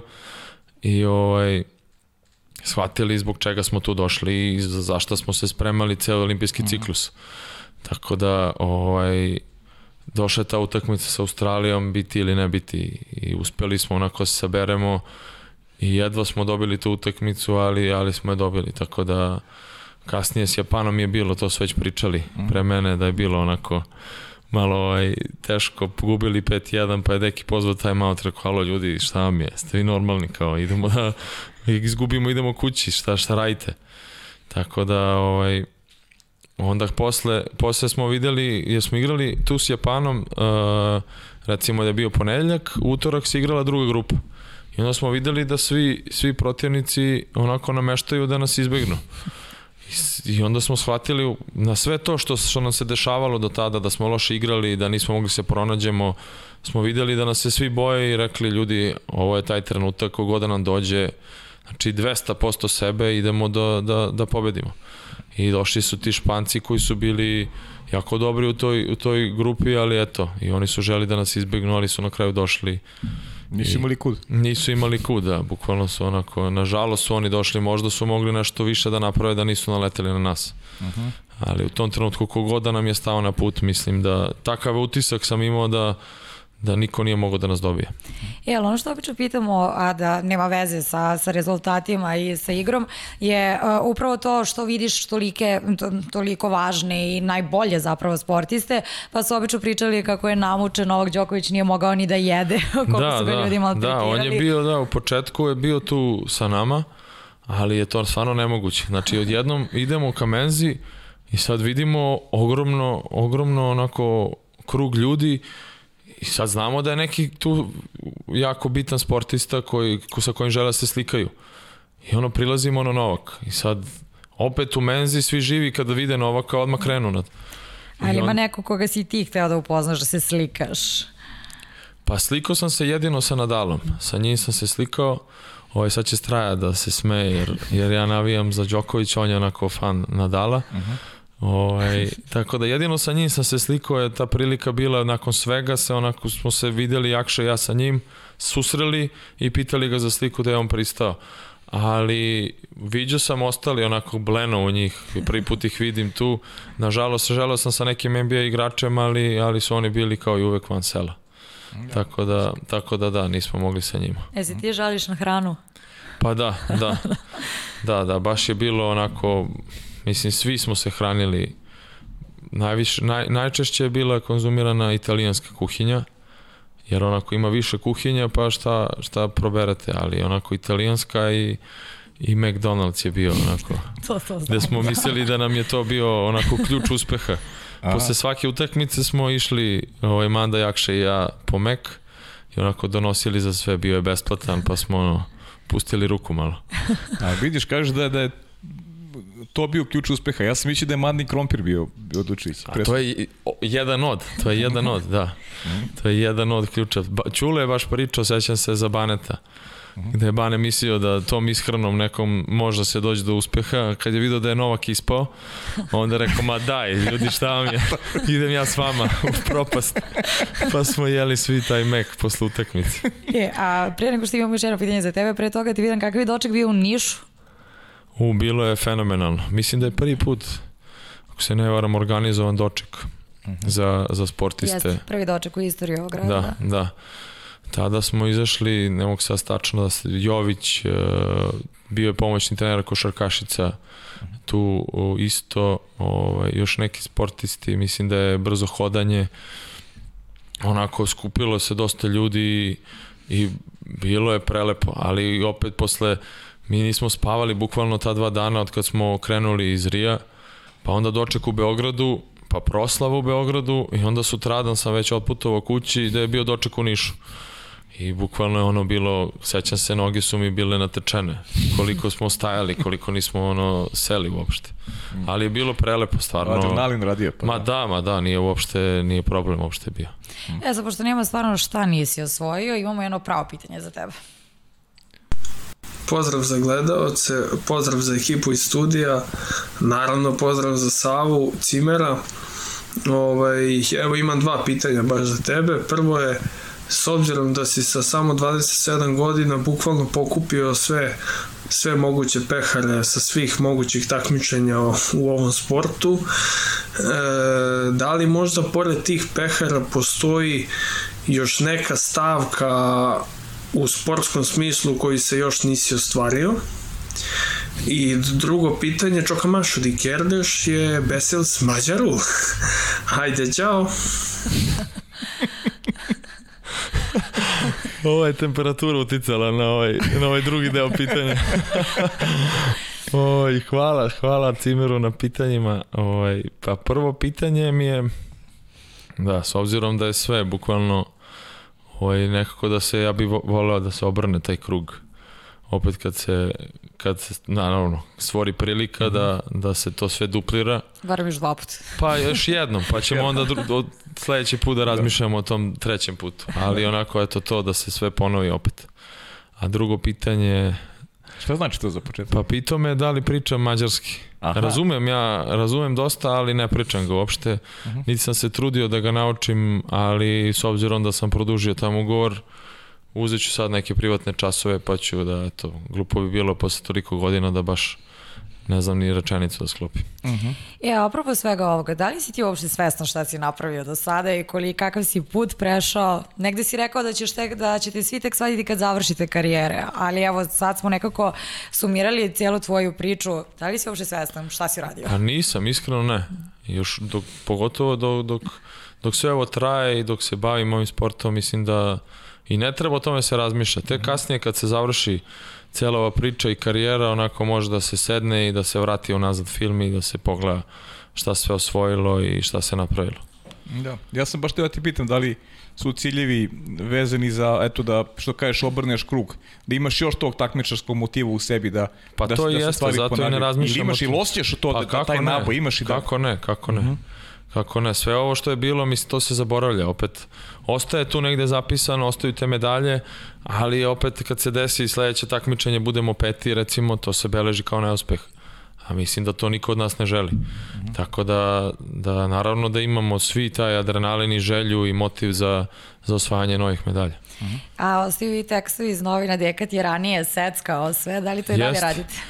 Da, Deka, ovaj pokojni je nažalost, da, preminuo 2010. Ovaj, ali je tata, tata je nastavio, da, tata je nastavio i ovaj to radi dan danas. Onako secka i lepi, onako hronološki sve. Evo ćemo da završimo ovu priču o reprezentaciji sa još jednim pitanjem. Ajde, hoćemo. Pozdrav svima. Pozdrav. Evo tu i Čule. Imamo jedno pitanje za našeg druga Savu. S obzirom da smo preko Instagrama saznali da se verio, mi bi volili da saznamo kad će na Instagramu da objavi datum i lokaciju za momačko veče. Mi bi baš rado prisustovali. Nemoj, nema smisla. Evo, man, manda i određenje. Nema smisla. Pa nisam znao stvarno da ćete ova kafanska pitanja da mi postavljate. ovaj, pa da, ovaj, s obzirom da Mitar nema Instagram, da ga je ugasio, a ovaj, kad ga bude reaktivirao ponovo, taj njegov lažan profil s kojih nas je onako pratio i komentarisao svaku objavu, saznaće i kad mi je momačko veče. A baš on. Baš on. Da, da, ostali ću, ostalima ću javiti, ali njemu ću onako na Instagramu da pošaljem poruku. Dobro. Traži datum, da znaš. Da, da. Dobro. Dobro da se pa i ti nisi isto ubacio. Nisam da shvatiš. Nisam se ubacio. Hoćemo da te pitamo šta misliš o domaćoj ligi. I da li razmišljaš ikad o povratku u Srbiju? Pa Kada mislim... Mitro, evo on se vratio posle 8 godina. Da, da, ovaj, pa sada kakva je situacija trenutno je onako ba, baš dobra i, i kako da kažem, uh, I ide to sve ka boljem. Mislim, kako je bilo nakon, nakon onih godina kad smo mi bili u Zvezdi i Radnički je bio dobar i Partizan i Vojvodina, ovaj, sada se sve to vraća polako i vraćaju se igrači, evo Duško i, i Raša su došli u Novi Beograd, Mitar se vratio, ovaj, Šabac se pojačava i Zvezda, vratili su i Rađen i, i tako da je dobra, dobra situacija i mislim da, da ako se ovako nastavi da će stvarno biti kao nekada što je bilo. Mm. Dobro, znači vidiš Možda i sebe, bolje. vidiš sebe u jednom Pa da, ko zna, nikad, nikad se ne zna. Mislim, ja sam ovamo sad ostao, ali, ali opet voleo bih naravno da se vratim i da, da igram u svojoj zemlji.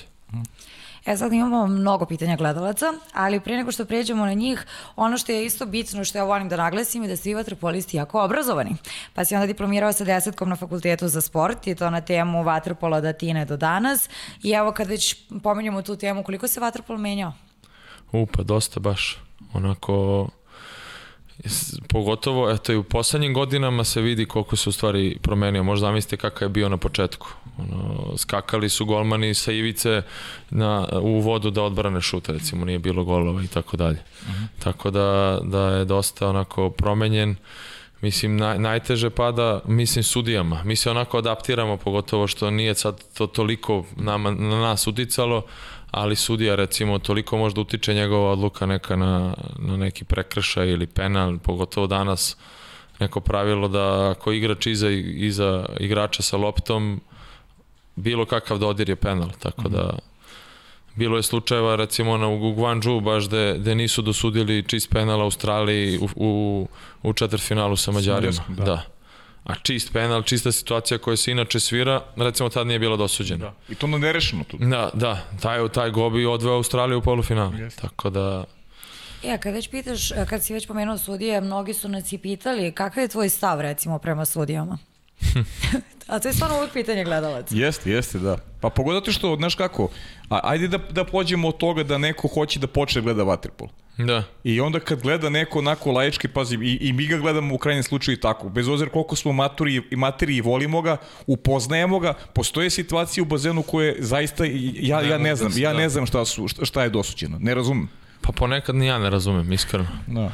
Šta, se, šta oni mogu da vide isto, tako da opet mi smo učeni i da, da ne komentarišemo suđenje i da, da to uopšte ne treba da utiče na nas i na našu igru, tako će i sad ostati ovaj, dosledan tome, ne bih da komentarišem. Imamo stvarno dobre sudije, ali ovaj nije moj posao da, da, to, da to radim. I moram još jednu stvar, kad je škola u pitanju, upisao si master studije, da postaneš trener, je li tako? Da, je li to da. negde... Pa jedno, mislim, od uvek sam razmišljao o tome da bih volio jednog dana kad završim karijeru da, da ostanem u Waterpolu. Sa ko zna opet šta će se desiti za, za deseta godina, koliko ću još moći da igram. Ali ovaj, da, želja mi je da jednog dana budem trener. I imamo pitanje gledalaca, da li zasluge za to što si se posvetio fakultetu ima Viktor Rašović? Pa da, on mi je, on mi je i preporučio bio taj fakultet, on je pre mene upisao, tako da sam, da sam eto, njegovim, njegovim rečima onako ispratio to njegovo i zahvalan sam mu stvarno na tome. Ti baš ideš topom od Dejana Savića, viš. Jel? Pa da, vidiš, hoće da budeš i trener, no, uvezani si, on te, on Samo ti je da se ne verovao- ugojim ko. Pa to, to, to je na tebi, nemoj, nemoj dozvoliš. Hoćemo krenemo dalje s pitanjem. Hoćemo, ajde. Izvalite. E, e, najteži centar protiv kog si igrao i kako se pripremaš za rivale? Pa najteži je bio Duško. Ubedljivo. Duško, aha. Da, da. Neko mi je onako i, i, i jak je, i agresivan, i eksplozivan i baš sa njim treba biti obazriv čitav napad. Nijednog trenutka ne sme da se opusti bek, jer on tom brzinom uspe da, da, da tako slomi, pogotovo kad igra sa igračima koji ga poznaju, kao recimo što su Andrija i Fića i onda u svakom trenutku očekuje, očekuje lopte od njih, kad je kod njih lopta mogu da mu ubace kad god. Tako da bih njega onako stavio kao najtežeg, naravno i Zloković, a i eto Hrvati isto Lončar, Dobucu, ovaj, i Dobu takođe, ali i Vrlić sada ovaj, su dosta neugodni. Uh, ajmo ovako, Leno pita koji je najteži plivački trening koji je imao? Aha. Najteži plivački trening, pa bilo ih je dosta. I ja sam jedan od onih koji baš i ne voli da pliva. Ovaj, ali mislim ima nas dosta sigurno. Ima. da. Ovaj, ali ne bih sad mogao se setim tačno koji je bio, ali ajde neka bude taj prvi koji mi padne na pamet 2013. godine sa Vladom, ova, ta juniorska reprezentacija, Vlada nam je bio selektor, imali smo jedan lakši trening, gde je on nazvao nećete imati dug trening, ovaj, malo lag, lagano neko plivanje, da nam je dao 20 puta 100 metara onako i sve snage. E, to mi je onako... Lagano. Je, e, em mi je psihički palo teško, s obzirom da je rekao da, je- da je ovaj laganiji trening, a onda naravno i fizički. Dobro. A, koliko dižeš iz benča, a koliko iz mrtvog dizanja? Iz benča 120, a iz mrtvog ne radim ga uopšte. Onako imam osjećaj da ću nekako nek, nepravilan neki pokret uradim i da, da ću povredim leđa tako da izbegavam tu vežbu. E, znaš šta me, šta me zanima? Ovaj, to, to uvijek zaboravim da pitam. Amerika. Kakvo iskustvo nosiš iz Amerike? Niko, nije, niko te detalje nije ovaj, ovde u podcastu prepričavao. Kako vam je, kako vam je prijelo to što ste išli te, te trenizi? Ste imali prilike nešto da obiđete? Ako Pa sećam Las Vegas, je tako, ka- kako ti se dopao Las Vegas? Ja nisam bio tamo. A nisi bio Las Vegas? nisi bio tamo, a? Ja nisam bio tamo. Jer ne, aha, jasno. ok, dobro. Oj, Nisam bilo je, ne, bilo je stvarno, ja sam tri puta bio i svaki put je onako doživljaj za sebe. Ovaj bilo je stvarno lepo, Amerika je onako druga dimenzija. Mhm. Stvarno je, totalno se razlikuje od bilo kog evropskog grada, tako da... Ali i- nisi mnogo vidio. Pa da, nismo puno obilazili. Ostali, ostavili utisak sad ovo što smo bili poslednji put, što sam gledao NBA utakmicu uživo. E, ovaj, Denver, Los Angeles, ali nažalost Lebron tada nije igrao baš, tako da nismo imali prilike da ga vidimo ovaj, na terenu ali ovaj ostalo mislim nekako te pripreme iako su teške u glavi onako padnu lakše jer je onako i vreme lepo i, i dosta se toga obiđe posle idemo ne znam do auto centra nekog koji ih ima tamo mali milion tako da da uvek bude uvek bude dobro E, imamo s- sada jedan Sarin blok, naša koleginica Sara Radović. Aha. Ima neka pitanja koje se, koje se ponavljaju, koje smo ti već postavili, ali evo pitanje, kaže, koji trenutak u svojoj dosadašnjoj karijeri bi izdvojio? Pa, t, e, pa nek bude Rio, mislim, to je onako nešto što će uvek biti ta olimpijsko zlato koje je dugo godina očekivano da, da je naša generacija uspela to da ostvari i ovaj, to će mi onako ostati urezano za uvek. A za koji klub bi volao da zaigraš u budućnosti? E, Znam sigurno za koji ne bih, ali ovaj, Kaži ga. ne, ne, neću da kažem, šalim se. Šalim se, ovaj, e, pa ne znam, svima je san prvo rekao, tako da eto i ja sebe bih volao da vidim Ti tamo bi volao, aha. Pa da, ali nekako bih volao da se vratimo u Brešu i onako sa Brešom, jer su oni onako ogromni rivali i da, da sa Brešom se osvoji titula, jer koja nije uspela da osvoji titulu baš dugo. Izvini, pa kad si već spomenula Brešu, najlepša uspomena kada je igrao Breši. Najlepša uspomena, pa taj, kako se zove, Len Kup. Da što ti trener omogućio? Da, Da, da, da, taj, taj, to osvajanje Len Kup. Opet Sara, s obzirom da imaš i dva treninga dnevno i ima malo slobodnog vremena, kako provodiš to slobodno vreme, na koji način napuniš baterije? Pa kada sam u Budimpešti sada sam, recimo, kada, kada Verenica nije tu, onda uglavnom, pogotovo sad u ovom periodu kad je korona, ništa tamo su onako rigorozniji što se mera tiče, ništa bukvalno ne radi. E, U 8 počinje policijski čas, to već traje od oktobra, tako da posljednjih onako 5-6 meseci spavam, treniram, a kad je ona tu gledamo da iskoristimo, ono, da prošetamo negde ako nije hladno i to je to. Ali uglavnom ovako, mislim, volim, ako, ako ima vremena, volim da, da izađem na, na neku večeru, da prošetam, da to, provodim vreme sa drugarima. To mi je onako, gledam filmove.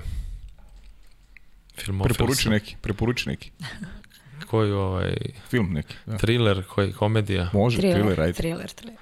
Pa mislim, uglavnom su svi gledali, ali Gone Girl je recimo dobar. Mhm. A, koji još sad, zatekli ste me, nisam, Nisi nisam spremio. spremio, da. Ima, ima dosta dobrih tih trailera koje sam gledao. E, Sara, žene, pa šta si ti žena? Da, da. Skoro je znači jedan veoma bitna korak u svom životu, zaprosio si svoju devojku. Da li bi nam ispričao kako je to izgledalo i koliko ti ona podrška sve ove godine? Pa da, ovaj, to je bilo u noći 31. decembra na 1. 1. januar. Uh -huh.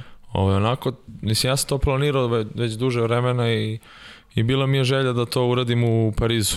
Onako, mm -hmm. pogotovo što mi je mama odatle, uvijek mi dan dana živi i onako mi je najlepši grad i najmiljeniji i to mi je onako najromantičnije bilo, ali je počela cela ova situacija i to nije moglo nikako i svi ostali planovi koji su mi bili zbog cele ove situacije opet nije moglo, tako da mi onako za, u toj novogodišnjoj noći bili smo sa sa mojim kumovima, svi onako skupa kod kuće, tako da mi je došao, ja sam taj prsten imao kod sebe jedno dva meseca. Da, da, čuo sam ga i ovaj, mi je došlo, ma to ću sad da uradim. I to niko nije znao sve mog brata kom sam rekao eto da obeleži taj trenutak. Uh -huh. Tako da je, da je to tada, tada bilo.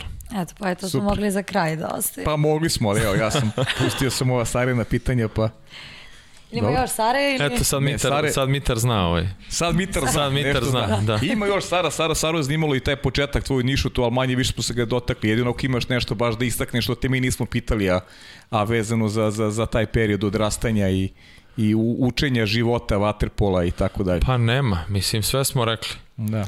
Ajmo ovako, kako se zagrevaš pred utakmicu?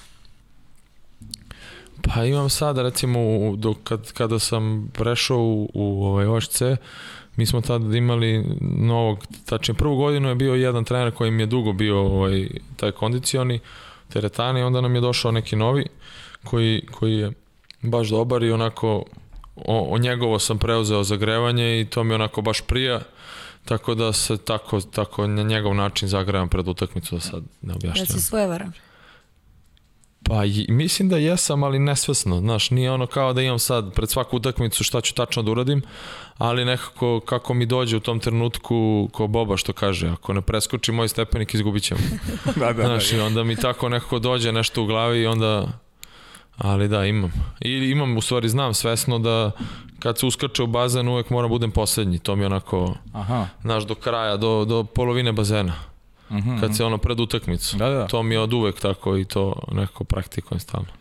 E, pozdrav Vuka Vuksanovića. Pozdrav za Vuka. Kaže, pitaj Savo ko je pobedio u klikerima u Košicama i koji trener mu je napravio iskorak u karijeri. ja, da, to je bilo naše prvo putovanje, tačnije moje. Uh -huh. On je, mislim, godinu dana ranije ušao u prvi tim. Ovaj, i, I to slobodno vreme, to bili kvalifikacije za Len Kup, iskoristili smo bili, poneli smo klikere, tačnije braće Stanković, tada su poneli klikere i onako smo izašli nas jedno šestorica na hodniku koji je bio baš onako dug i napravili neku igru gde, ba, tip, ne znam koliko je sati bilo, ali samo znamo da u jednom trenutku izašao trener i rekao, alo budale, šta radite to, idite spavajte, šta igrate te klikere. A ovaj trener, pa Dejan sigurno. Uh -huh. Dejan, Dejan. Strahinja Rašović, opet da ga pozdravimo, ti pita kad idete na pljeskavicu kod Lafa.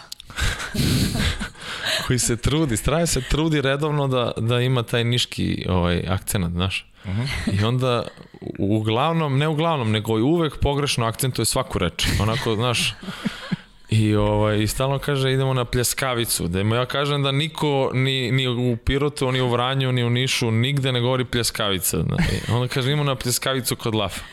Ali vodit ću ga kad bude, kad bude došao kod mene. Vodi ga na pljeskavicu, Vodit molim ću ga na pljeskavicu. molim te. E, imaš pozdravi od Sandija Mertelja, on je nekadašnji repestiva Slovenije u Waterpolu i redovno pratio je podcast, učestvuje sa pitanjima. Uh, kaže, čestitka, samo, samo da malo mi pobegao. Čestitka Savi za sve uspehe i trofeje, on igrač kojeg svaka ekipa treba i voli jer mnogo radi za ekipu, obavlja i prljave poslove koji se toliko ne vidu u statistici, kaže Sandi.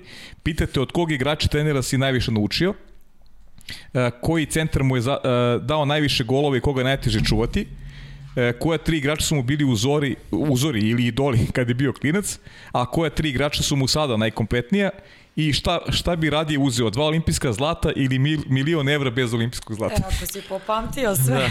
Da. da. A evo poslednje prvo, pa olimpijska zlata. Olimpijska zlata? Kao. pa da, da, kao, aj. Koga zanimaju par? Da, ne, olimpijska zlata, dva.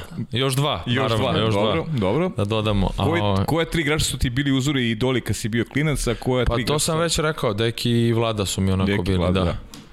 A koji su ti sad igrači A sada su mi najkompletniji Pa mislim, zavisi sad po pozicijama kad bi gledali, ali nek bude, recimo na mojoj poziciji je Leka Jović, Uh -huh.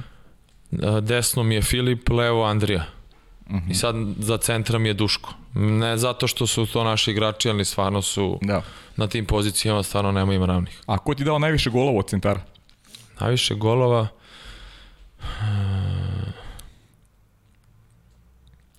Pa ne znam, uglavnom je to bilo klanje kad padne lopta. Ovaj, ali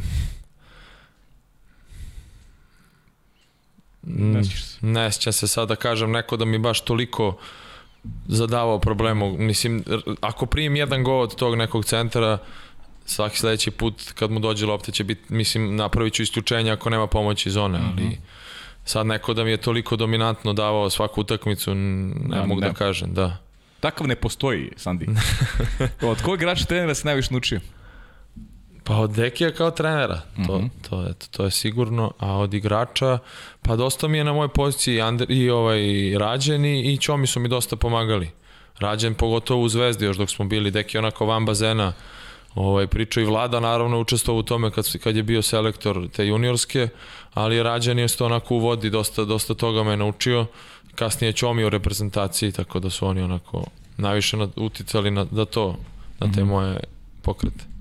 A, Mateja iz Hrvatske te pozdravlja i pita koja ti je najdraža klubska medalja, koja je reprezentativna? Pa najdraža mi je ovaj, Liga šampiona sa Zvezdom, a reprezentativna Rio. Jelena Stojanović ti pita najlepše mesto za opuštanje je kraj Nišave, Save ili mora? Pa kraj mora. Kraj ubedljivo, mora. Da. Dobro. A, Dimitrija Rističević te pita a, od kad pratiš košarku u Srbiji? Mislim da razumem Dima, aluziju. Razumem da, aluziju, da, da. da.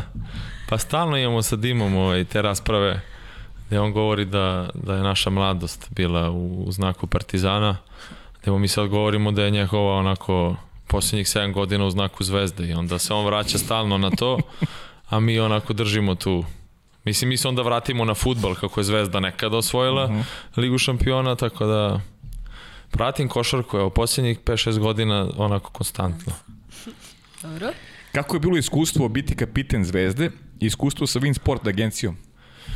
Pa bilo je lepo, lepo, mislim, pogotovo prvo je prvo kapiten Zvezde, opet i opet ostvarivanje jednog sna, da je za klub za koji navijam, sa kojim sam osvojio ligu šampiona, da budem i kapiten, stvarno je, stvarno je veliki, velika čast i, i, i zadovoljstvo.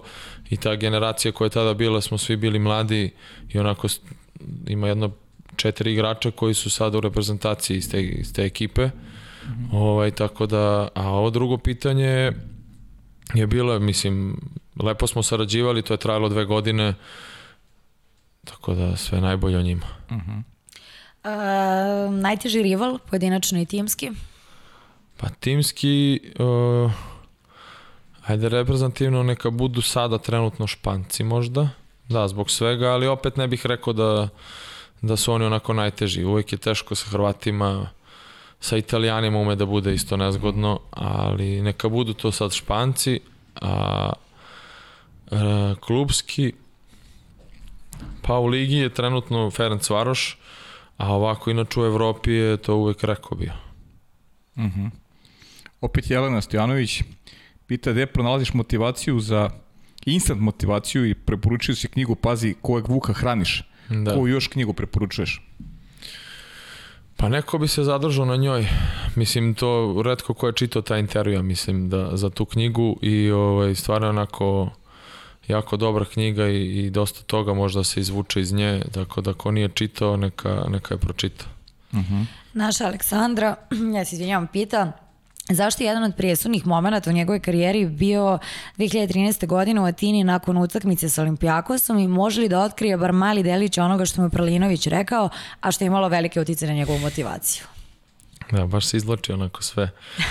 ovaj, pa dat, mislim, mogu da otkrijem, nije to ništa bilo strašno.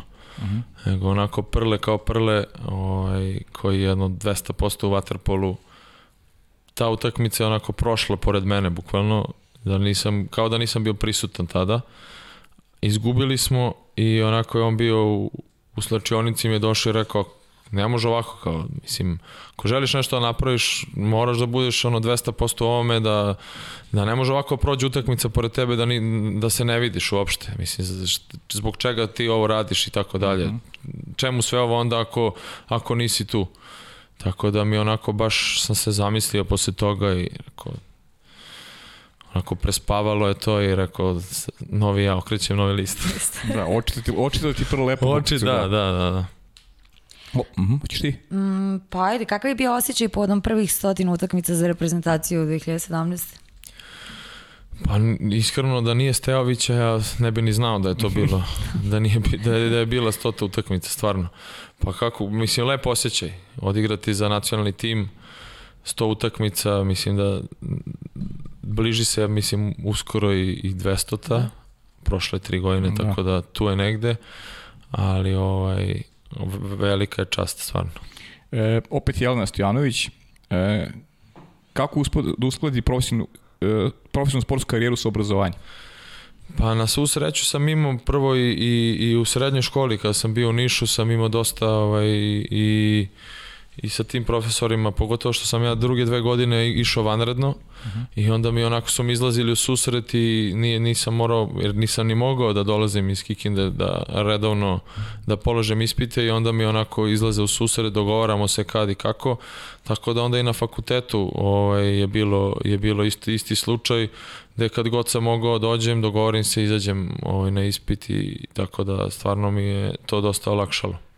A kako je bilo učestvovati u trci zadovoljstva na Beogradskom maratonu? Pa, bilo je lepo, samo što ja nisam učestvovao. Ja sam onako bio tu na cilju i čekao ovaj pobednik. A, znači ti si Nisam, da. folirao si. Folirao si, da. Da, da. Dobro.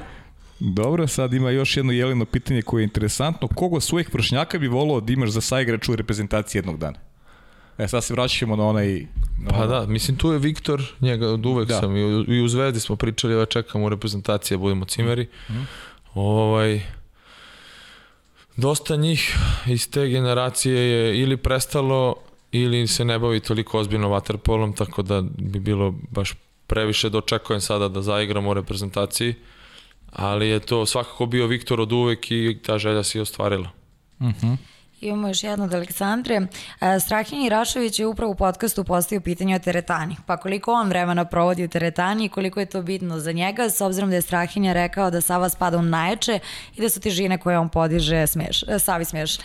Pa da, ja onako sam tip igrača ko, koji ne može bez teretane. Pogotovo zbog pozicije koju igram i onako mi je bukvalno presudna teretana da je ne provodim sad ja ne znam koliko vremena, ali gledam da to od 4 do 5 puta nedeljno bude sigurno.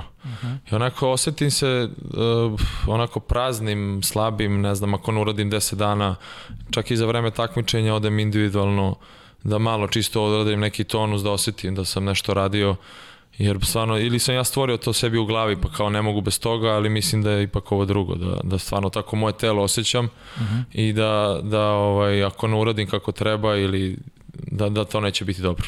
Da se brže umaram nekako mi je teže dosta. Pitite Jelena, gde je najradije putuješ i kom mestu se uvek vraćaš? Pa, najradije, pa Pariz neka bude. Mislim, Pariz, mhm. da, to, bi, to je onako da kad god mogu, odem posjetim, naravno tamo imam porodicu i onda Ja znaš francuski? e, znao sam i onako sam ga pričao i dosta, ali kako je vreme prolazilo, ne koristim ga i I ja sam ga učila u gimnaziji, ne znam reč. ali, ali mi je ostalo u sećanju, znam gramatiku i sve to, ali sad recimo da malo bi teže bilo. Ali mi je dosta pomogao da naučim brzo italijanski, jer je onako sličan dosta. Mhm. Mogu si pridružiš Andriju u Marseju, pa bi lakše bi ga... Da, sigurno, kad bi probao tamo jedno 3-4 meseca, mislim da bi ga propričao opet. Da, da, da. E, kaže Jelena, dobro, to smo rekli za najteži protivnik. Ko ti je najdrži saigrač? Ovo je interesantno. E, Najdraži. možda da da. Možda da izdvojiš. Pa Uba. Uba, a? Uba, da. Onako imali smo baš lepu saradnju. Mhm. Onako, čak smo se izezali u Italiji, kad, kad mu asistiram za neki gol mu pokažem ovaj, Aha. koliko ovo košta. da. Onako da, poznavali smo se to kao, mislim koliko vremena dugo provodiš sa nekim, znaš kako diše, tako da u svakom trenutku sam znao kad mogu da mu dodam, kad ne loptu, tako da mi je on onako bio jedan od najdražih. A, životni sportski moto? Ko zna zašto je to dobro i sve što je suđeno desit će se. Lepo, da, lepo. Ili imaš pa još Pa pitanje? to je to, da, to je E, to manje zapravo više. Samo jedno kako vidiš sebe za 10 godina. Pa onako na kraju, možda čak i već uveliko kraj karijere, ali sa onako s porodicom, decom, Boga zdravlja. Da, Ja sad ja uvek na kraju spomenem porodicu, ali Da. već smo spominjali koliko si podršku imao od svojih roditelja, već smo spomenuli i verenicu, to smo trebali da ostavimo za kraj, ali nema Trebali veze. smo, da. Ovaj, tako da, ostaje mi samo da te pitam, pošto imali, dobili smo stvarno mnogo pitanja, ali manje više smo sve prošli još kroz naš razgovor. Kako ti se čini intervju? Ma super je, mislim kao što na, na TV-u gledam ono opušteno skroz, bez tenzije, da malo pročešljamo po nama, ali sam ja govorio i pa i da mislim da je još rano za mene, ali eto, Pa na doći kraju me je ubedio. Da, ne, a pazi, ti si da ti sad treba da obrneš krug. Znaš, treba da obrneš krug Da. i da dođeš ponovo. Ti si sad jedan od onih koji će da, vodi, da, da, da nosi, da vodi ovu sledeću generaciju. Zaokružili smo jedan ciklus i sad ulazimo polako, spremamo se za novi. Da, Znaš, da. I mnogo mi je drago što, što smo tu ubedili. Ili Ima nešto da te nismo pitali, a ti bih hteo da kažeš. Pa nema, nema. Mislim, sve smo prošli, bukvalno. Da. Svako takmičenje, moj početci, tako da sve, sve smo pročešljali. Samo čekamo to da ponovo nekom, nekom novom zgodom, a mi smo jako ponosni što smo eto uspeli da sve vas iz Rije dovedemo ovde u studio i, i bit će nam zadovoljstvo da se ponovo družimo nekom sličnom prilikom. Hvala vama na pozivu i nadam se da će biti lakše ubeđivanje sledeći put. Potrudit ćemo se. Mi smo svakako uživali. Šta Jeste. drugo, nećemo najavljivati. Pa nećemo Marina da ne javljamo, pošto ćemo napravimo pauzu sledeće nedelje. Pa da ti se odmaraš. Ja sad. se malo odmaram, da, odmori se onda i ti, malo i od mene i od podcasta i onda ćemo ovaj, da se družimo tamo za dve nedelje, da ne najavljamo ko će biti, ali u principu znamo šta se čekamo. Čekamo malo i, i Daču, čekamo još neke ljude, malo će ubacimo i devojke u podcast od Marte meseca i tako. U svakom slučaju, kao i do sada, pratite naše Instagram profile, šaljite pitanja, šaljite utiske i komentare i sasvim smo sigurni da ćete uživati u ovom intervju. Hvala vam na pažnji i prijetno.